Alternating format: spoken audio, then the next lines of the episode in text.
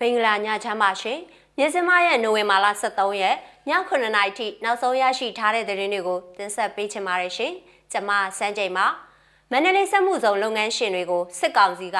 အကြောင်းပြချက်မရှိငွေတောင်းတဲ့သတင်း။ရက်ကျေးအုပ်ချုပ်ရေးမှူးဟောင်းရဲ့ဇနီးဖြစ်သူနဲ့ပရဟိတလူငယ်ကိုစစ်ကောင်စီတပ်ကဖမ်းဆီးသွားတဲ့သတင်း။ကချင်ပြည်စရုံးမြို့အနီးကောက်တစ်စားပွဲကျင်းပတဲ့အကြောင်းနဲ့ ရွှေပြောင်းနေထိုင်သူများအရေးနဲ့ပတ်သက်ပြီး PR တွေတိုးမြင့်လာတဲ့ဘီလာရုစ်ကိုလေရင်စီးနှင်းလိုက်ပါခွင့်တူရကီပိတ်ပင်တဲ့တဲ့ရင်အဆရှိတဲ့ပြည်တွင်းနဲ့နိုင်ငံတကာသတင်းတွေကိုတင်ဆက်ပေးပါတော့မယ်ရှင်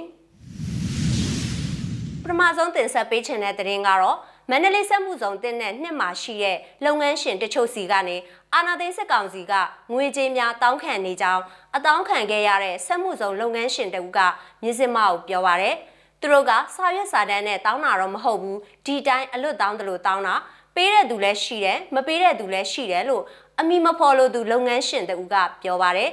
စက်မှုဇုံတက်မှာရှိတဲ့လုပ်ငန်းရှင်တချို့ကိုနိုဝင်ဘာ10ရက်မှာစတင်တောင်းခံပြီးစက်မှုဇုံနှစ်ကိုနိုဝင်ဘာ17ရက်နေ့မှာစတင်တောင်းခံခဲ့တာဖြစ်ပြီးလုပ်ငန်းအမျိုးအစားပေါ်မူတည်ပြီးတော့10သိန်းကစလို့အတီးတီးတောင်းခံကြောင်းသိရပါတယ် ငွေတောင်းခံတဲ့အကြောင်းရင်းကိုတော့စစ်ကောင်စီကပြောဆိုခြင်းမရှိဘဲအကြောင်းပြချက်မရှိတောင်းခံတယ်လို့စက်မှုဇုံလုပ်ငန်းရှင်တွေကပြောပါတယ်။လက်ရှိမှာစက်မှုဇုံအတွင်းရှိလုပ်ငန်းအ ਨੇ စုကသာလောက်ကင်ရရှိပြီးအများစုဟာရပ်နာထားကြတယ်လို့သူတို့ကဆိုပါတယ်။ဒီလိုလုပ်ငန်းတွေရပ်နာထားပေမဲ့လည်းပြဿနာတစုံတရာဖြစ်ပေါ်မှာစိုးရိမ်တဲ့အတွက်အကြမ်းဖက်စစ်ကောင်စီလက်နက်ကင်တွေတောင်းခံတဲ့ငွေကြေးကိုပေးနေသူတွေလည်းရှိတယ်လို့ကားဘော်ဒီလုပ်ငန်းရှင်တဦးကပြောပါတယ်။ မထင်ရင်မထင်သလိုလုပ်နေတာကတကြောင်ပြဿနာတက်မှာစိုးရိမ်တာကတကြောင်ဆိုတော့တောင်းတာပေးရတယ်အခုကအလုတ်လဲနားထားတယ်အလုတ်သမားလေးတွေလည်းပြန်ခိုင်းထားရတယ်လို့သူကပြောပါတယ်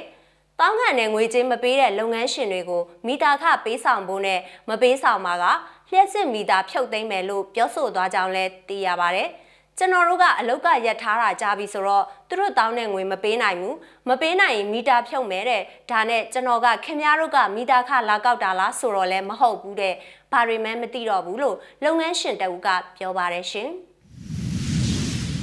မန္တလေးတိုင်းကသတင်းနဲ့ဆက်ချင်ပါတယ် မန္တလေးတိုင်းတောင်သာမြို့နယ်ဝဲလောင်ရွာတစ်ကြီးရွာမှာဒီကနေ့နိုဝင်ဘာလ23ရက်မနက်10:00နာရီဝန်းကျင်မှာရက်ကျေးအုပ်ချုပ်ရေးမှူးဟောင်းဦးသိန်းနိုင်ထွန်းရဲ့ဇနီးဖြစ်သူဒေါ်သူစာစိုးနဲ့ပရဟိတလူငယ်ကိုသိန်းစော်ခေါ်ဆန်ထူးတို့ကိုစစ်ကောင်စီတပ်ဖွဲ့ကဖမ်းဆီးခေါ်ဆောင်သွားကြောင်းဒေသခံတွေစီကသိရပါဗျ။ ရက်ကျေးအုပ်ချုပ်ရေးမှူးဟောင်းဦးသိန်းနိုင်ထွန်းရက်ကျေးပြည်သူအုပ်ချုပ်ရေးအဖွဲ့ဝင်ကိုညိုမင်းတန်းနဲ့ PDF လို့ဆွဆွဲခံရသူကိုငိမ့်ချမ်းရှင်တို့ကိုစစ်ကောင်စီတပ်ကလာရောက်ရှာဖွေရမတွေ့တဲ့အတွက်သူတို့နှစ်ဦးကိုဖမ်းဆီးသွားခဲ့တာဖြစ်ပါတယ်။အုပ်ချုပ်ရေးမှူးဟောင်းကိုမတွေ့လို့သူဇနီးကိုဖမ်းသွားတာအိမ်ထဲကပစ္စည်းတွေလည်းရိုက်ခွဲဖျက်ဆီးသွားတယ်ပရဟိတလုပ်တဲ့လူငယ်ကိုလည်းဖမ်းသွားတဲ့အပြင်လူမှုကူညီရေးကားတစ်စီးကိုလည်းမောင်းယူသွားတယ် ဥတန်ချောင်းအိမ်ကဆလောင်းကိုလည်းဖြုတ်ယူသွားတယ်။နောက်ပြီးရက်ကျေးပြည်သူအုပ်ချုပ်ရေးအဖွဲ့ခေါင်းဆောင်ကိုလည်း9ရက်အတွင်းလာပို့ရင်ပို့မပို့ရင်တရွာလုံးသူတို့အကြောင်းသိစေရမယ်ဆိုပြီးအော်ပြောသွားတာလို့သူကပြောပါတယ်။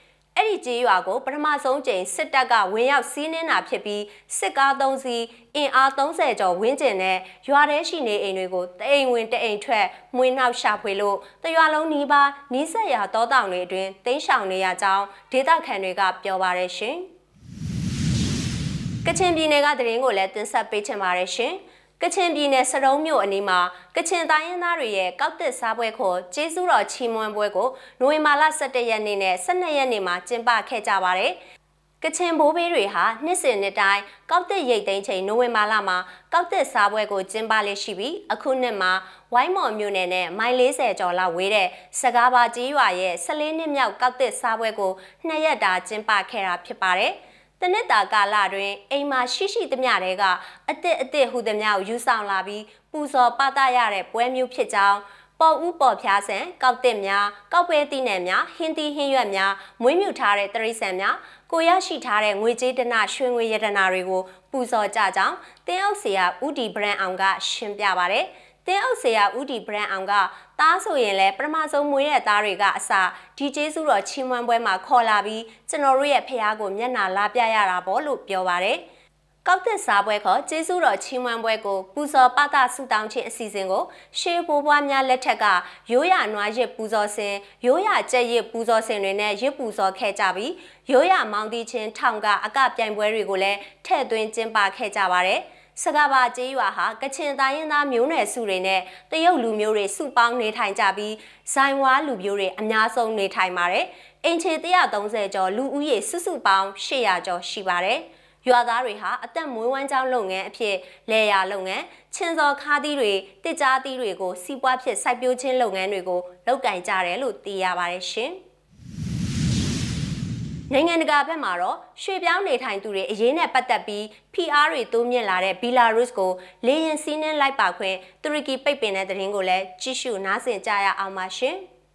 EU အဖွဲ့ဝင် ပိုလန်နိုင်ငံနယ်စပ်ရှိရွှေပြောင်းအခြေချသူတွေများပြားလာခြင်းအကြက်တဲကိုအဆုံးသတ်နိုင်ဖို့အတွက်ဖိအားတွေတိုးမြင့်လာတဲ့ဘယ်လာရုစ်နိုင်ငံစီကိုအရှိအလဲပိုင်းနိုင်ငံအများပြားကလူတွေကိုလေရင်စီးနှင်းလိုက်ပါခွင့်မပြုကြောင်းနိုဝင်ဘာလ12ရက်တောက်ကြနေ့မှာတူရကီကကြေညာလိုက်ပါတယ်။ EU နဲ့ဘယ်လာရုစ်အကြားတရားမဝင်နယ်စပ်ဖြတ်ကျော်မှုပြဿနာကြောင့်အီရန်၊ဆီးရီးယားနဲ့ယီမင်နိုင်ငံသားတွေကိုဘယ်လာရုစ်ကိုပြန်တမ်းမဲ့လေကြောင်းခီးစဉ်တွေမှာစီးနှင်းလိုက်ပါခွင့်ပြုမှာမဟုတ်ကြောင်း အာဏာပိုင်အဖွဲ့ကပြောကြားခဲ့ပါတယ်။နောက်ထပ်သတင်းထုတ်ပြန်ချက်မပြုမချင်းအဆိုပါနိုင်ငံများမှာခီးသွားတွေကိုလက်မှတ်ဝယ်ယူခြင်းသို့မဟုတ်ဘယ်လာရုစ်တို့လေယာဉ်လိုက်ပါခြင်းကနေတားမြစ်ခံရမည်လို့အမိန့်ထုတ်ပြန်ခဲ့သလိုဘယ်လာရုစ်နိုင်ငံပိုင်လေကြောင်းဘယ်လာဗီးယားကလည်း၎င်းအမိန့်ကိုလိုက်နာမဲ့အကြောင်းပြောကြားခဲ့ပါတယ်။အနောက်နိုင်ငံတွေရဲ့ပိတ်ဆို့အရေးယူမှုများကိုလက်စားချေတဲ့အနေနဲ့ပိုလန်နိုင်ငံတွင်းကိုနေဆက်ဖြတ်ကျော်ပို့ဆောင်နေတယ်လို့ဆွဆွဲခံနေရတဲ့ ဘယ်လာရုစ်နိုင်ငံအတွင်းကိုရွှေ့ပြောင်းနေထိုင်သူတွေဝင်ရောက်မှုက